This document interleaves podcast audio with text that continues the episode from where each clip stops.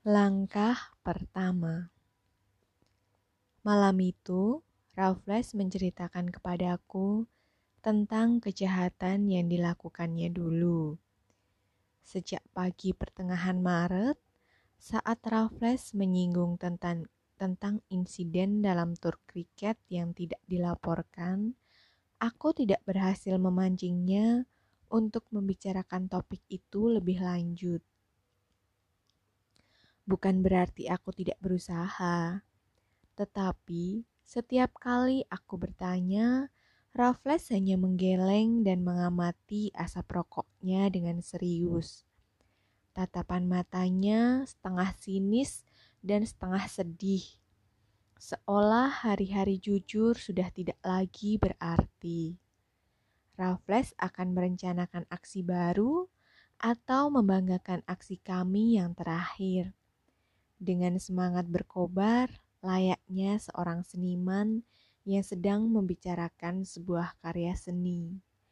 Mustahil untuk membayangkan ada setitik penyesalan di balik semangat itu. Namun, hantu penyesalan sepertinya masih mengunjungi Raffles dengan kenangan akan kejahatan pertamanya. Jadi, Lama sebelum malam kepulangan kami dari Milchester, aku sudah menyerah untuk mencoba membujuk Raffles agar menceritakannya. Namun, musim kriket sudah dimulai dan tas kriket Raffles diletakkan, diletakkan lagi di tempat asalnya. Sisa label Orient masih menempel di bagian depannya. Selama beberapa waktu, mataku terfokus pada label itu. Dan aku rasa Raffles pasti sedang mengamatiku ketika ia langsung bertanya apakah aku masih ingin mendengar cerita tentang kejahatan pertamanya. Tidak ada gunanya, jawabku. Kau tidak mau menceritakannya, jadi aku harus membayangkannya sendiri. Bagaimana caramu membayangkannya? Oh, aku mulai bisa membaca metodemu. Jadi, menurutmu aku melakukannya dengan persiapan maksimal seperti yang kulakukan sekarang? Begitu? Aku tidak bisa membayangkan sebaliknya. Temanku Bani, itu adalah aksi paling tidak dipersiapkan yang pernah kulakukan seumur hidupku. Raffles mendorong kursinya ke belakang dan bangun dengan cepat. Ada kilau marah di matanya. Aku tidak percaya itu, tegasku. Aku tidak mungkin memberikan penilaian serendah itu kepadamu. Kalau begitu, kau pasti bodoh.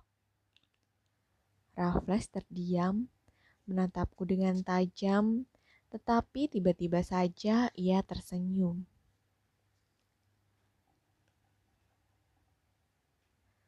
Atau kau lebih bajingan daripada yang kupikirkan, Bani. Dan demi Tuhan, aku tidak percaya itu. Ya, aku rasa wajar saja kau beranggapan seperti itu tentang aku. Aku selalu terlihat hebat di matamu, seperti juga di mata orang-orang di luar sana.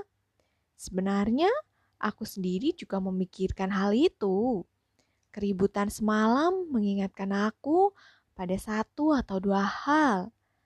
Aku akan mengatakannya kepadamu karena ini kesempatan yang langka. Dan aku akan merayakannya dengan melanggar satu peraturan dalam hidupku. Aku akan minum lebih dari satu gelas. Whisky dituangkan ke botol. Busanya berdesis, es dijatuhkan ke dalam gelas dan Raffles duduk di sana dengan memakai piyama sambil mengisap rokok. Lalu ia menceritakan kepadaku tentang kisah yang selalu ingin ku dengar. Jendela terbuka lebar dan suara-suara di Piccadilly merayap masuk. Lama sebelum Raffles selesai cerita, roda kereta kuda terakhir bergulir di jalan toko terakhir ditutup, dan kami sendirian di tengah malam musim panas yang sunyi. Tidak, mereka memperlakukanmu dengan sangat baik. Kau hanya perlu membayar minum, tapi sayangnya kondisi keuanganku sudah sangat memprihatinkan. Aku pikir seharusnya aku menolak undangan untuk bertanding di Australia, tapi kami semua pergi ke sana menghadapi pertandingan Melbourne Cup. Aku sangat yakin akan menang, tapi ternyata tidak. Dan bukan hanya itu, satu-satunya cara kau bisa bertindak bodoh di Melbourne. Saat itu, aku tidak memiliki pengalaman seperti sekarang, Bani. Analisisku hanya berdasarkan pada pemikiranku saja. Tapi yang lain tidak tahu betapa keras usahaku dan aku tidak ingin mereka tahu. Aku mencoba mencari cara untuk mendapatkan uang, tapi tidak berhasil. Kemudian aku teringat pada kerabatku, sepupu jauh ayahku yang tidak pernah kami kenal sebelumnya, dan kami sama sekali tidak tahu bagaimana kabarnya selain dia berada di salah satu negara koloni. Jika dia orang kaya dan baik, aku akan bekerja untuknya. Tapi jika tidak, toh aku sudah berusaha. Aku mencoba melacak jejaknya, dan ternyata aku beruntung. Aku berhasil menemukannya. Atau begitulah yang kupikirkan. Dan aku kebetulan punya waktu senggang beberapa hari untuk melakukan pencarian itu. Aku membuat lenganku cedera tepat sebelum pertandingan besar Natal, dan aku tidak bisa bermain kriket sekalipun mereka memutuskan untuk memainkanku. Dokter bedah yang mengobatiku bertanya apakah aku punya hubungan dengan Raffles yang bekerja di National Bank dan keberuntungan itu nyaris membuatku berhenti bernafas. Hubungan keluarga dengan petinggi sebuah bank besar yang akan membiayaiku hanya karena namaku adalah keberuntungan yang lebih baik lagi. Adakah keberuntungan yang lebih baik lagi? Aku membuat keputusan bahwa Raffles inilah pria yang kuinginkan. Tapi aku benar-benar kecewa saat kemudian mengetahui bahwa dia sama sekali bukan petinggi di bank tersebut. Dan dokter bedah itu pun belum pernah bertemu dengannya, tapi hanya pernah membaca namanya di pemberitaan yang berkaitan dengan sensasi kecil yang berhasil dibuat oleh Raffles itu di cabang di pinggir kota. Seorang perampok bersenjata dipukuli habis-habisan dan ditembak oleh Raffles itu, dan meskipun hal itu umum terjadi di sana, aku baru pertama kali mendengarnya cabang pinggir kota. Orang yang kuharapkan bisa membiayaiku ternyata hanya pegawai rendahan yang pemberani. Meskipun begitu, aku masih menyimpan harapan. Dan aku bilang pada dokter itu bahwa aku akan segera memastikan apakah dia adalah kerabat yang sedang kucari. Jika dokter itu mau berbaik hati, memberitahuku apa nama cabang bank tersebut. Aku bisa memberimu lebih dari itu, ujar dokter itu. Aku akan memberimu nama cabang tempatnya mendapatkan promosi karena seingatku mereka memindahkannya ke cabang yang lain.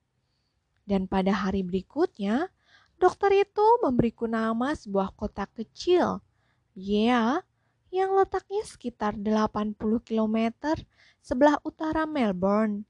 Tapi dengan informasi yang sangat sedikit itu, sang dokter tidak yakin apakah aku harus mencari kerabatku itu di sana atau tidak. Dia masih lajang dan inisialnya WF, ujar sang dokter.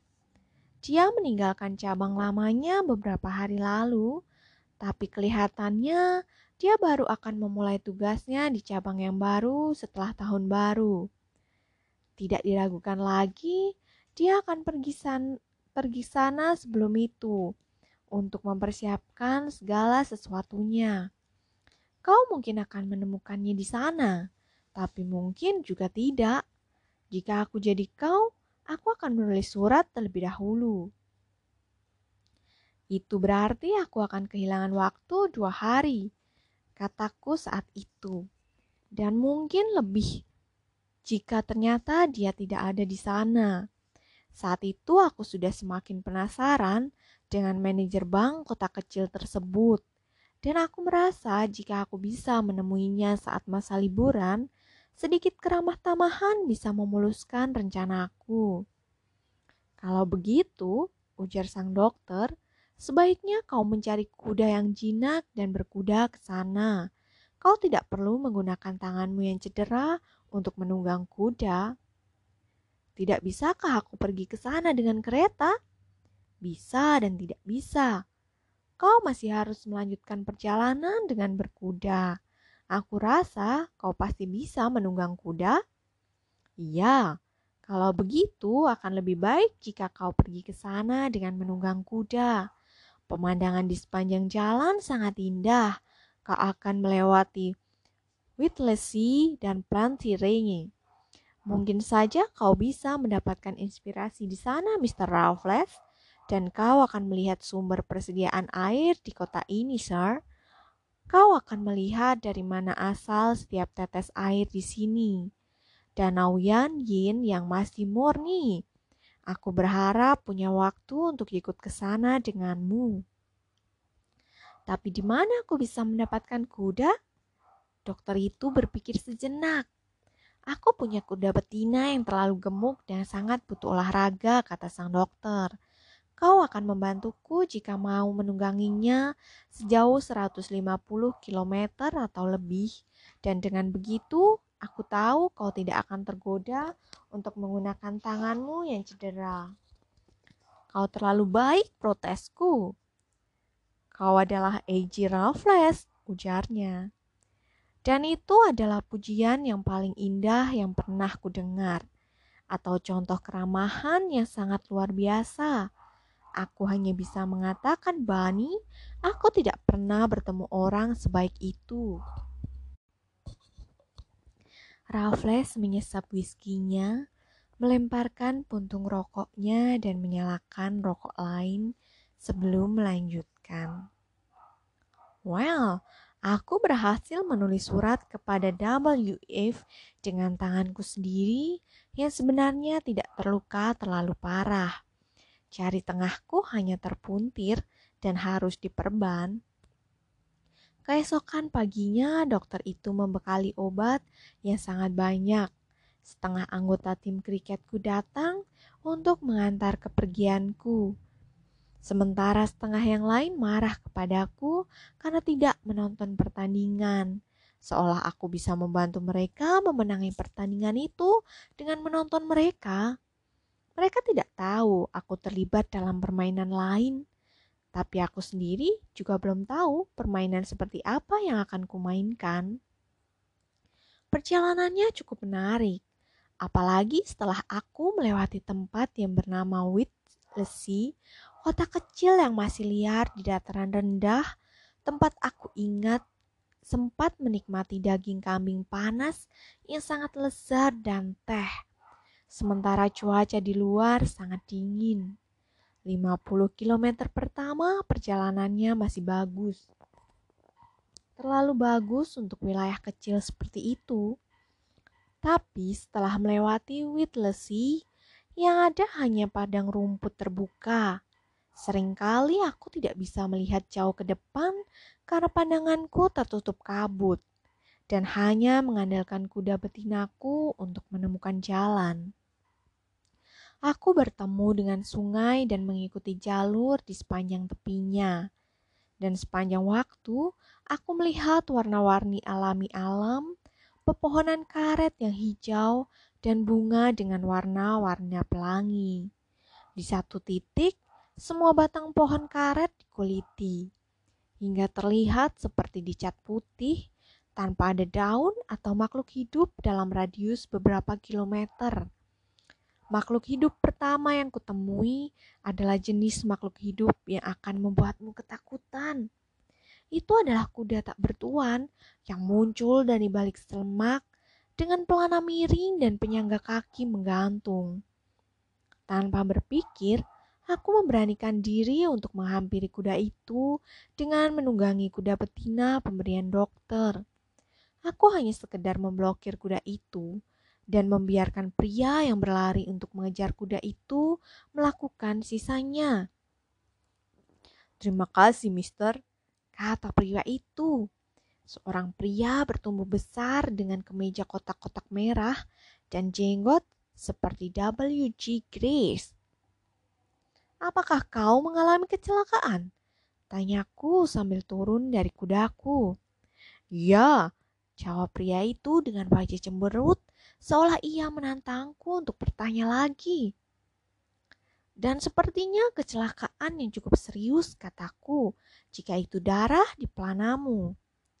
Ya, Bani, aku sendiri mungkin seorang penjahat, tapi sepertinya aku tidak pernah menatap orang dengan cara seperti pria itu menatapku.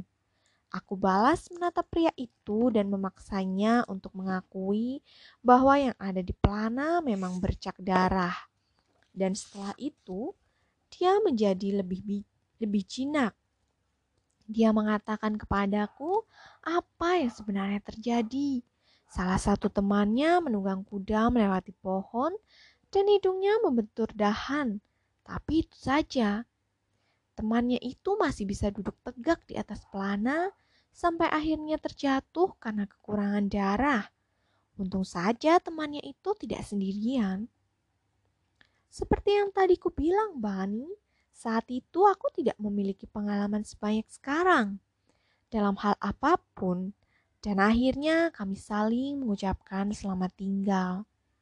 Dia bertanya aku akan pergi ke arah mana, dan aku mengatakan kepadanya. Dia bilang aku bisa memotong jalan sejauh 11, 11 km dan tiba dia sejam lebih awal jika aku melewati jalur lain dan berkuda menuju puncak bukit yang bisa terlihat melalui celah pepohonan. Lalu setelah sampai di puncak bukit, aku bisa mengikuti arus sungai. Jangan tersenyum, Bani. Aku memulai ceritaku dengan mengatakan bahwa saat itu aku masih terlalu muda dan tidak berpengalaman. Tentu saja, jalan pintas yang ditunjukkan pria itu ternyata jalan memutar yang jauh lebih panjang dan hari sudah hampir gelap saat aku dan kuda betina yang tidak beruntung itu melihat jalanan Yea. Aku sedang mencari bangunan bank saat seorang pria mengenakan setelan putih keluar dari bendara. Beranda. Mr. Raffles? Tanyanya. Mr. Raffles, kataku, tertawa saat aku menjabat tangannya. Kau terlambat. Aku tersasar. Itu saja. Aku sangat lega, ujarnya. Apakah kau tahu apa kabar terbaru yang beredar di sekitar sini? ada kawanan penyamun yang berkeliaran di jalan antara Whitley dan jalan ini. Geng Kelly generasi kedua. Tapi kau terlalu tangguh untuk mereka, ya kan? Kau yang terlalu tangguh untuk mereka, jawabku. Dan balasanku itu membuatnya terdiam dan bingung. Tapi dia memang lebih pantas menerima pujian daripada aku karena aku tidak melakukan apa-apa. Aku takut kau akan mendapati kehidupan di sini cukup keras. Lanjutnya, saat ia menurunkan tasku dari pelana dan memberikan tali kekang kudaku pada pelayannya. Untung saja kau masih lajang sama sepertiku. Aku tidak mengerti maksud komentarnya, karena sekalipun aku sudah menikah, Aku tidak mungkin akan membahas soal istriku dengan pria yang tidak kukenal. Kemudian, dia mengatakan dia yakin situasi di sini tidak akan terlalu berat untukku setelah aku menetap. Seolah dia berharap aku akan tinggal selama berminggu-minggu. Ya, pikirku. Ya, pikirku negara kolonial ini dihuni oleh penduduk yang sangat ramah. Dan aku lebih terkejut lagi saat dia membawaku masuk ke ruangan pribadi di bank tersebut. Makan malam akan siap seperempat jam lagi, ujarnya saat kami masuk ke ruangan itu. Aku rasa Aku rasa kau pasti ingin mandi dulu. Air mandimu sudah siap di kamar yang ada di ujung lorong ini. Panggil saja aku jika ada lagi yang kau butuhkan. Omong-omong, kopermu belum sampai, tapi ada surat yang datang pagi ini. Untukku? Ya, kau tidak sedang menunggu surat. Aku yakin tidak. Ya, suratnya ada di sini. Dan saat dia membawaku ke kamarku, aku membaca tulisan tanganku sendiri di surat yang kutulis kemarin untuk W.F. Raffles. Bani, kau pernah mengalami situasi di mana kau kehilangan kata-kata? Kau tahu seperti apa rasanya?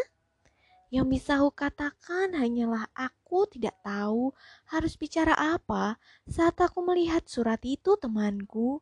Dan aku harap saat ini aku tidak membuatmu mengalami suatu situasi semacam itu lagi. Aku tidak bisa bicara. Aku hanya bisa berdiri dengan suratku sendiri berada di tanganku sampai pria tadi meninggalkanku sendiri di kamarku.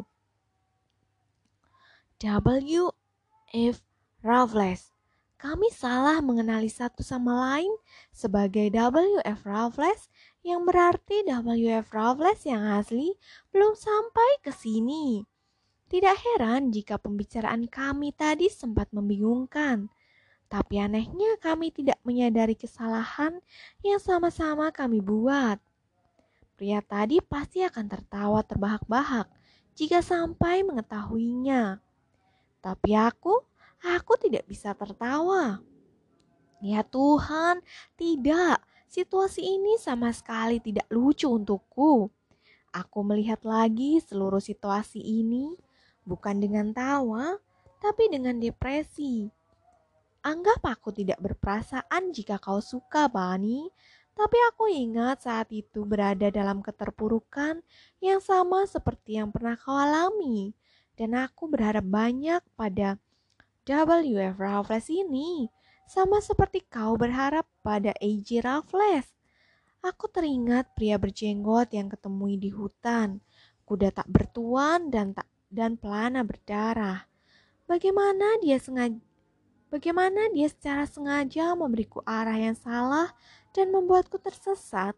Sekarang manajer bank menghilang dan ada kabar mengenai kawanan penyamun di sekitar sini. Namun, aku tidak mau berpura-pura merasa kasihan pada pria yang tidak pernah kulihat. Rasa kasihan semacam itu biasanya palsu. Lagi pula saat itu aku lebih mengasihani diriku sendiri. Aku benar-benar terpuruk. Apa yang harus kulakukan? Aku ragu sudah memberi kesan yang cukup jelas kepadamu betapa pentingnya aku kembali ke Melbourne dengan membawa uang. Bahkan itu lebih penting dari tekadku sendiri yang selalu kuanggap sebagai sesuatu paling penting. Aku harus mendapatkan uang. Tapi bagaimana? Tapi bagaimana? Apakah pria asing itu mau membantuku jika aku mengatakan yang sebenarnya? Tidak, Kejujuranku hanya akan membuatku terusir dari sini dan terpaksa menghabiskan malam tanpa tujuan. Mengapa aku harus mengatakan padanya? Aku rasa biar saja dia sendiri yang menyadari kesalahannya. Tapi apakah itu ada gunanya? Bani, aku bersumpah kepadamu, saat itu aku pergi makan malam tanpa ada niat tertentu dalam kepalaku atau menyiapkan satu saja kebohongan di mulutku. Aku mungkin saja melakukan hal yang pantas dengan menjelaskan kesalahpahaman kami saat itu juga. Tapi di sisi lain, tidak ada gunanya terburu-buru. Aku belum membuka surat itu, dan aku bisa selalu berpura-pura tidak memperhatikan inisialnya Sementara itu, aku masih berharap akan datangnya keajaiban. Aku bisa menunggu sebentar dan melihat apa yang akan terjadi. Aku sudah tergoda untuk mengatakan yang sebenarnya, tapi godaan itu hanya samar-samar dan itu membuatku tidak yakin. Ada kabar buruk? Tanya pria itu saat akhirnya aku duduk di depan meja makan. Hanya surat tidak penting, jawabku. Aku tegaskan kepadamu. Jawaban itu terlontar begitu saja. Namun kebohongan sudah terucap posisiku sudah diputuskan. Dan sejak saat itu tidak ada kesempatan untuk kembali. Secara tidak langsung dan tanpa menyadari apa yang kulakukan, aku sudah menyatakan diriku sebagai WF Raffles. Dengan begitu, aku akan menjadi WF Raffles di bank tersebut setidaknya untuk malam itu. Dan iblis mengajariku bagaimana cara memanfaatkan kebohonganku.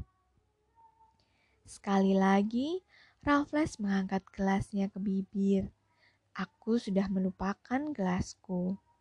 Kotak rokoknya memantulkan cahaya lampu saat ia menyodorkannya kepadaku. Aku menggeleng tanpa mengalihkan mataku dari wajahnya. Iblis membantuku, lanjut Raffles sambil tertawa. Sebelum aku sempat merasakan supku, aku sudah memutuskan apa yang akan kulakukan. Aku bertekad untuk merampok bank itu dan bukannya tidur. Setelahnya aku akan langsung kembali ke Melbourne dan semoga saja besok paginya aku sudah sampai ke sana. Jika kuda betina sang dokter sanggup melakukannya, Aku akan mengatakan pada sang dokter bahwa aku tersesat dan berputar-putar selama berjam-jam yang memang sangat mungkin terjadi dan tidak pernah sampai dia.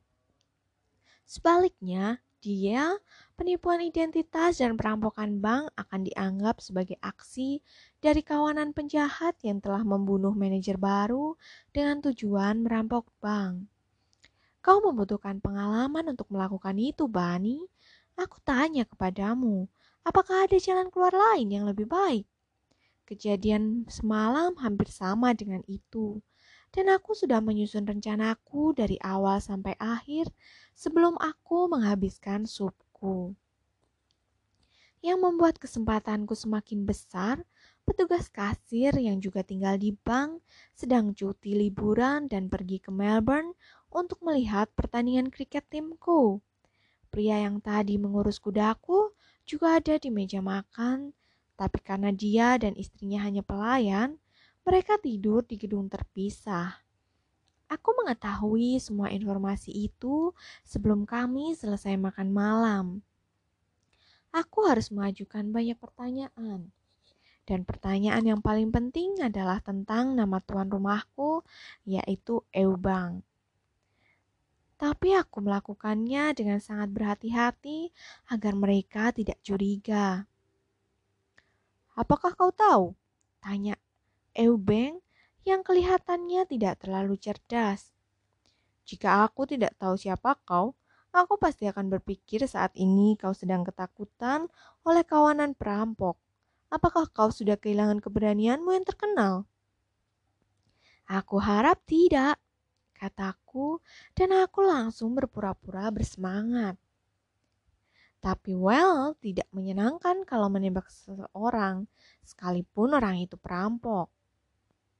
Benarkah? Ujar Aubeng dengan dingin. Aku sendiri pasti akan menikmatinya.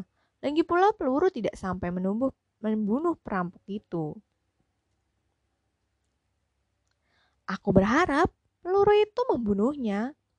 Aku cukup cerdas untuk berkata demikian. Amin. Seru Eubeng. Dan aku mengosongkan gelasku. Sebenarnya aku tidak tahu apakah perampok bank yang tertembak itu berada di penjara, mati atau sudah bebas. Selain itu, Eubeng kembali membahas masalah pekerjaan. Eubeng mengakui bahwa staf mereka tidak banyak, tapi dia sendiri selalu menyimpan pistol berpeluru di bawah bantalnya sepanjang malam, di bawah konter sepanjang siang, dan sedang menunggu kesempatan untuk bisa menggunakannya. Di bawah konter ya? Aku cukup bodoh untuk mengatakan itu. Iya, sama sepertimu. Eubeng menatapku dengan heran, dan instingku menegaskan bahwa jika aku mengatakan sesuatu seperti tentu saja aku lupa, maka hasilnya pasti akan fatal. Mengingat apa yang telah dilakukan oleh manajer bank yang asli, aku menunduk dan menggeleng. Tapi surat kabar memberitakan begitu, teriak Eubeng. Bukan di bawah konter, jawabku. Tapi itu peraturannya. Selama sejenak Bani, aku membeku. Tapi aku yakin aku hanya terlihat angkuh dan aku harus menegaskannya. Peraturan, kataku kemudian dengan ada suara meremehkan. Iya, peraturan akan membuat kita tewas terbunuh. Temanku yang baik, apakah kau pikir perampok bank akan memberikanmu menggapai-gapai pistol di tempat yang sudah diketahui oleh umum? Aku menyimpan pistolku di sakuku, dan dengan begitu aku bisa mengeluarkannya dengan cepat jika situasinya sudah mendesak. Eubeng menatapku dengan mata membelalak. Lalu kepalan tangannya mengentak meja. Astaga, itu tindakan yang sangat cerdas. Tapi tetap saja, tambah Eubeng seperti orang yang tidak mau dianggap salah. Yang diberitakan oleh surat kabar tidak seperti itu, kau tahu? Tentu saja, cetusku, karena surat kabar hanya memberitakan apa yang kusampaikan pada mereka. Kau tentu tidak berpikir aku akan mengakui secara terbuka bahwa aku melanggar peraturan bank, kan? Jadi kecurigaan itu berhasil ditepiskan dengan sangat meyakinkan. Jika sebelumnya Eubank tidak menghargaiku, dia memiliki banyak pengalaman. Usianya jauh lebih tua dariku, dan aku merasa yakin dia berpikir aku terlalu muda untuk posisi itu maka sikapnya langsung berubah setelah mendengar ceritaku. Aku bisa melihat pikirannya menjadi lebih terbuka. Dia mengeluarkan brandy terbaiknya, memaksaku membuang rokok yang sedang kuisap, dan membuka kotak rokok baru. Eubeng adalah pria bertampang ramah dengan kumis merah dan wajah humoris. Hampir mirip dengan Tom Imet dan sejak saat itu aku bertekad untuk tidak melukainya. Namun dia bukan Rosenhall, Bunny. Dia sepuluh kali lipat lebih kuat minum daripada aku. Baiklah, pikirku, kau mungkin pergi tidur dalam keadaan sadar, tapi kau akan tidur seperti balok kayu. Dan aku membuang setengah minuman yang diberikannya kepadaku keluar jendela yang terbuka saat dia sedang tidak melihat. Tapi Ayubeng adalah pria yang baik. Dan jangan membayangkan dia seorang pemabuk meskipun dia kuat minum. Aku menyebutnya ramah dan aku hanya berharap dia tidak seramah itu. Saat malam semakin larut, akhirnya Ayubeng mabuk juga dan aku tidak kesulitan membujuknya untuk mengajakku berkeliling bank pada tengah malam. Pada saat itulah Eubeng mengambil pistolnya untuk dibawa ke kamar. Aku dan Eubeng berkeliling bank selama 20 menit dan sebelum kembali ke kamarku sendiri, aku sudah tahu setiap jengkal bank tersebut. Kau tidak akan bisa menebak apa yang kulakukan selama sejam berikutnya. Aku menanggalkan pakaian dan naik ke tempat tidur. Ketegangan yang kurasakan saat menyamar menjadi orang lain ternyata membuatku merasa jauh lebih lelah daripada yang kuduga. Apalagi jika aku melakukannya tanpa persiapan. Kau tidak tahu apa yang harus kau katakan. Biasanya perkataanmu yang selanjutnya akan membongkar penyamaranmu. Aku merasa seperti meraba-raba dalam kegelapan. Aku tidak mengatakan kepadamu betapa tegangnya aku selama percakapan yang berlangsung berjam-jam itu. Dan semakin lama, ketegangan itu semakin meningkat. Kau bisa membayangkan sendiri keadaanku saat itu. Lalu membayangkan aku berbaring di atas tempat tidurku, beristirahat sejenak sebelum aksiku malam itu. Sekali lagi, Dewi keberuntungan berpihak kepadaku karena tidak lama setelah aku berbaring di tempat tidur, aku mendengar suara dengkuran Eubeng dan suara itu tidak berhenti sejenak pun. Suara dengkuran itu semakin keras saat aku menyelinap keluar kamar dan menutup pintu.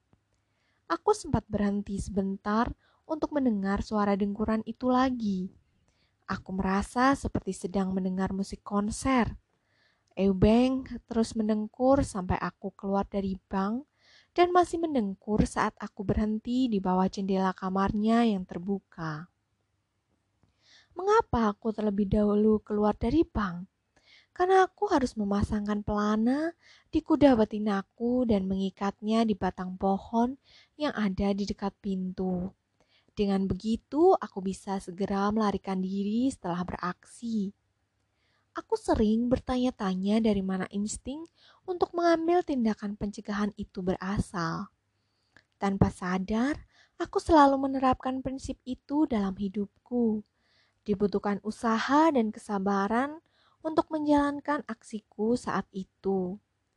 Aku harus mengambil pelanaku tanpa membangunkan siapa pun. Dan aku tidak terbiasa menangkap kuda di lapangan berpagar.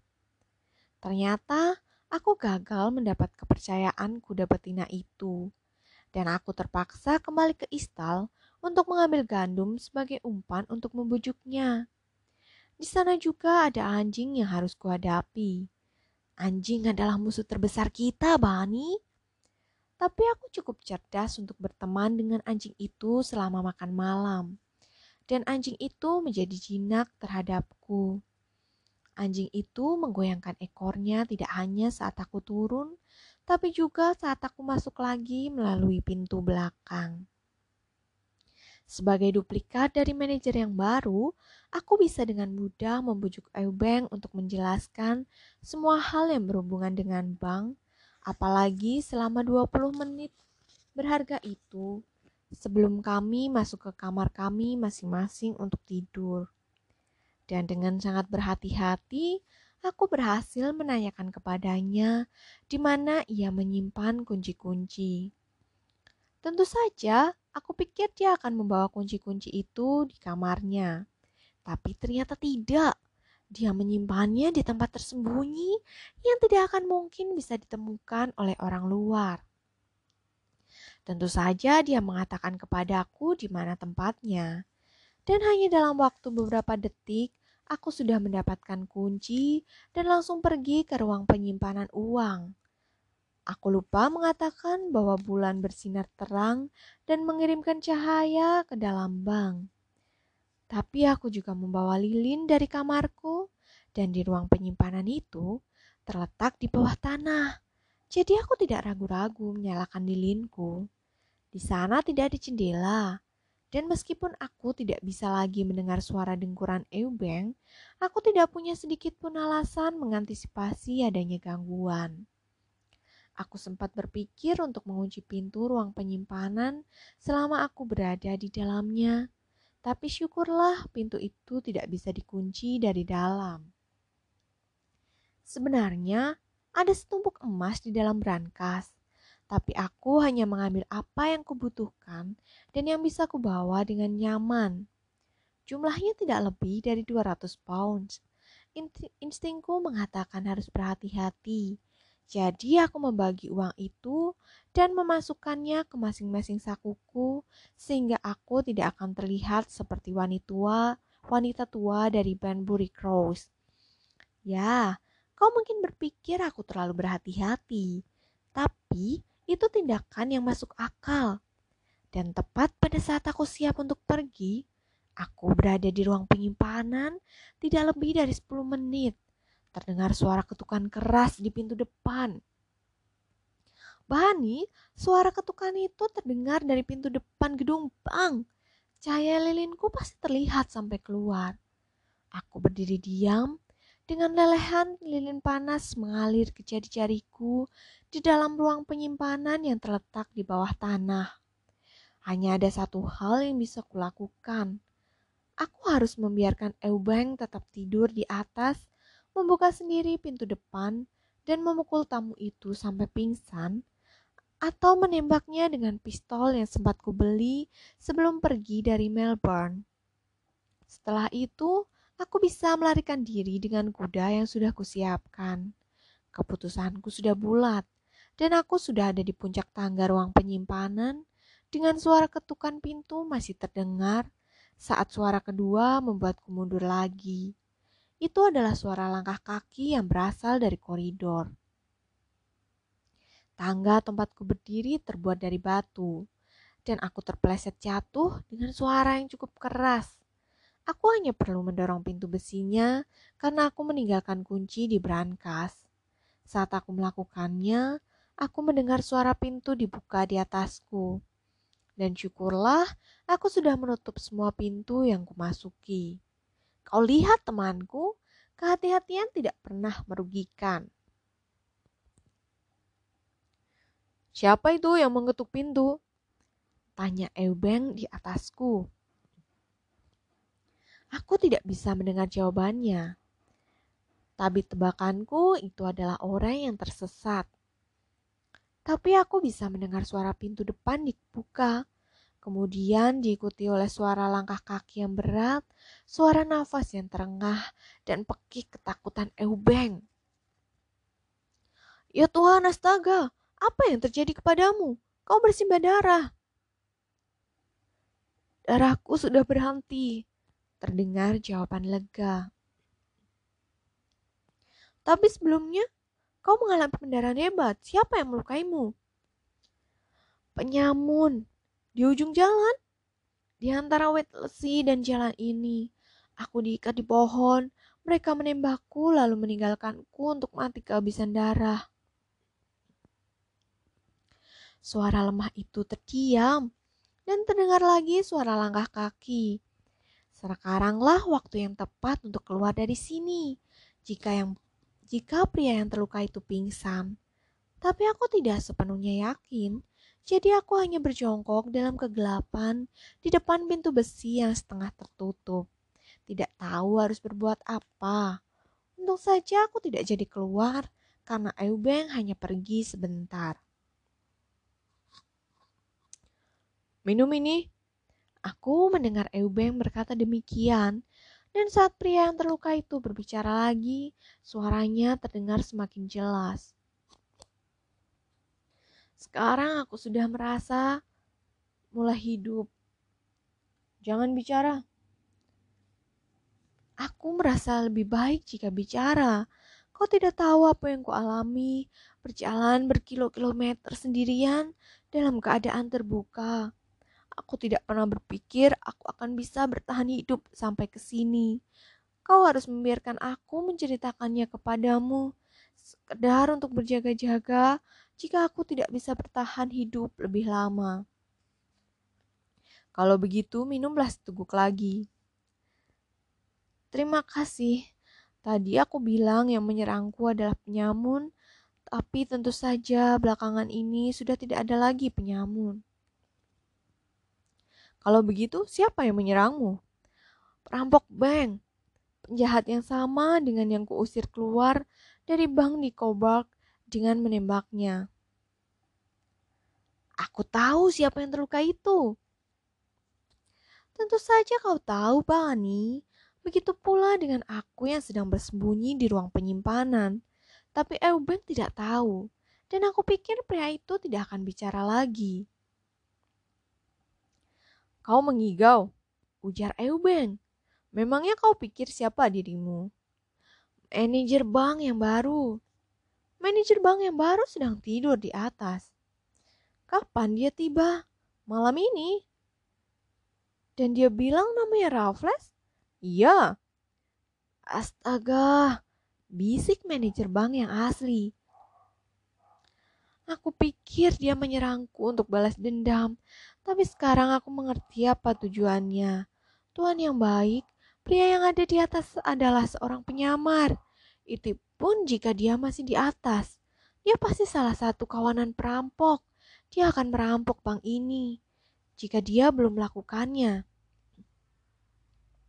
Jika dia belum melakukannya, gumam Eubeng membeu. Jika dia masih di atas, ya Tuhan, dia memang menyamar. Aku akan membunuhnya. Nada suara Eubeng cukup tenang, tapi itu sudah cukup untuk membuatku ketakutan. Jujur ku katakan kepadamu, Bani, aku lega membawa pistol ini. Kelihatannya aku harus berhadapan langsung dengan Eubeng, pistol dengan pistol. Lebih baik kau periksa ruang penyimpanan terlebih dahulu, ujar si manajer baru. Sementara penyamar itu melarikan diri melalui jendela kamarnya. Tidak, tidak, dia tidak mungkin berada di ruang penyimpanan. Tidak ada salahnya memastikannya dulu. Bani, jika kau bertanya kepadaku apa momen paling menegangkan dalam karirku sebagai pencuri, aku akan menjawab momen itu. Aku berdiri di bawah tangga batu itu di dalam ruang penyimpanan dengan pintu berada persis di depanku. Dan aku tidak tahu apakah pintu itu akan terbuka atau tidak. Cahaya semakin mendekat dan aku tidak tahu apa yang harus kulakukan. Aku hanya bisa pasrah. Ternyata pintu itu tidak terbuka sedikit pun. Pintu itu terlalu kuat dan kokoh. Aku bahkan tidak akan bisa mendobraknya sekalipun aku mencoba. Pintu itu terlalu berat. Akhirnya cahaya tadi bergerak menjauh, terberkatilah pintu itu. Tidak, dia tidak ada di sana. Aku mendengar Eubeng berkata demikian. Suaranya terdengar jelas. Beberapa detik kemudian, aku membuka lagi pintu itu. Tepat pada waktunya, untuk mendengar mereka pergi ke kamarku di atas. Sekarang aku tidak boleh menyia-nyiakan seperlima detik pun waktu yang kumiliki. Tapi dengan bangga ku katakan bahwa aku menaiki tangga itu dengan tenang dan keluar dari bank. Mereka sudah pergi ke atas dan membiarkan pintu depan terbuka dengan perlahan dan hati-hati. Seolah aku punya waktu yang tidak terbatas.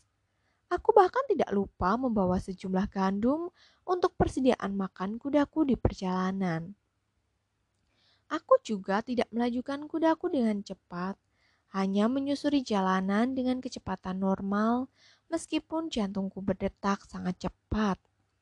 Dan untung saja bank itu terletak di ujung kota sehingga tidak ada banyak bangunan di sekitarnya.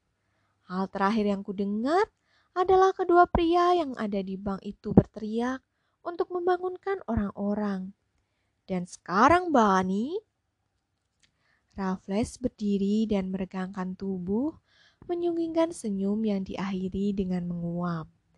Kegelapan di luar jendela sudah mulai berganti dengan warna jingga, menandakan fajar akan segera menyingsing. Tapi ceritamu belum selesai kan? Tanyaku. Dengan menyesal harus kukatakan bahwa ceritaku berakhir sampai di sana. Ujar Raffles dengan suara meminta maaf. Aku tahu, seharusnya aku mengakhiri cerita itu dengan aksi melarikan diri yang menarik. Tapi kenyataannya tidak begitu. Aku rasa mereka mengira aku anggota kawanan perampok dan sudah pergi jauh dari sana. Padahal aku belum pergi terlalu jauh. Lagi pula, salah satu dari mereka sudah terluka dan mustahil bisa melakukan pengejaran. Aku membawa kudaku berjalan di antara pepohonan, meskipun jaraknya hanya 80 km dari Melbourne. Jika kau menempuhnya dengan kecepatan siput, akan butuh waktu seharian untuk tiba di sana. Tapi sepertinya Gandum yang kuberikan bisa menambah tenaga kuda betinaku, karena begitu aku mengarahkannya ke selatan, kuda itu melaju dengan cepat. Demi Tuhan, aku tidak bergurau. Kuda itu melaju di antara pepohonan dan di bawah dahan pohon, membuatku harus menundukkan kepalaku di atas bulu tengkukku. Aku sudah mengatakan kepadamu tentang hutan karet, kan? Hutan itu terlihat sangat menyeramkan di bawah cahaya bulan dan masih sama sunyinya seperti saat aku melewatinya tadi siang. Begitu sunyi sampai aku memutuskan untuk berhenti di sana. Itu adalah pemberhentian pertamaku. Dan aku menempelkan telingaku ke tanah selama dua atau tiga menit. Tapi aku tidak mendengar apa-apa selain dengusan kuda dan detak jantungku sendiri. Aku minta maaf, Bani, tapi jika kau berkesempatan menuliskan memoarku, aku yakin kau pasti tidak akan kesulitan mengarang cerita untuk membuat aksi melarikan diriku terdengar lebih menarik. Manfaatkan hutan karet yang menyeramkan itu dan biarkan peluru bertebangan di antara pepohonannya. Kau bisa menambahkan bahwa aku berbalik di pelanaku dan melihat Eubeng mengejarku dengan kecepatan yang mengagumkan, lalu aku pingsan karena ketakutan. Buat cerita yang menegangkan, dan pembacamu tidak akan tahu bagaimana akhirnya. Tapi aku sendiri tidak tahu bagaimana akhirnya, keluhku. Apakah kuda betina itu benar-benar membawamu kembali ke Melbourne? dengan aman dan selamat. Aku memastikan dia diurus dengan baik sesampainya kami di hotel. Dan malam harinya, aku mengembalikan kuda itu pada sang dokter. Dokter itu sangat terkejut mengetahui aku tidak jadi ke Yea karena tersesat. Dan keesokan paginya, dia datang lagi dengan membawa surat kabar yang memberitakan kejadian di Yea. Tanpa mencurigai apa pun, Ah, seru Raffles saat ia mematikan lampu. Untuk masalah itu, aku sendiri tidak pernah tahu. Kuda betina yang kutunggangi masih muda, dan aku rasa kondisinya sudah mengesankan bahwa kuda itu kelelahan akibat tersesat. Yang pasti, sikap dokter itu memang berubah. Aku cenderung berpikir dia mencurigai sesuatu, meskipun bukan mencurigai hal yang tepat. Aku takut penampilanku akan semakin akan semakin memperbesar kecurigaannya. Aku bertanya mengapa. Dulu aku pernah memiliki kumis lebat, ujar Raffles. Tapi aku kehilangan kumis itu sehari setelah aku kehilangan kepolosanku.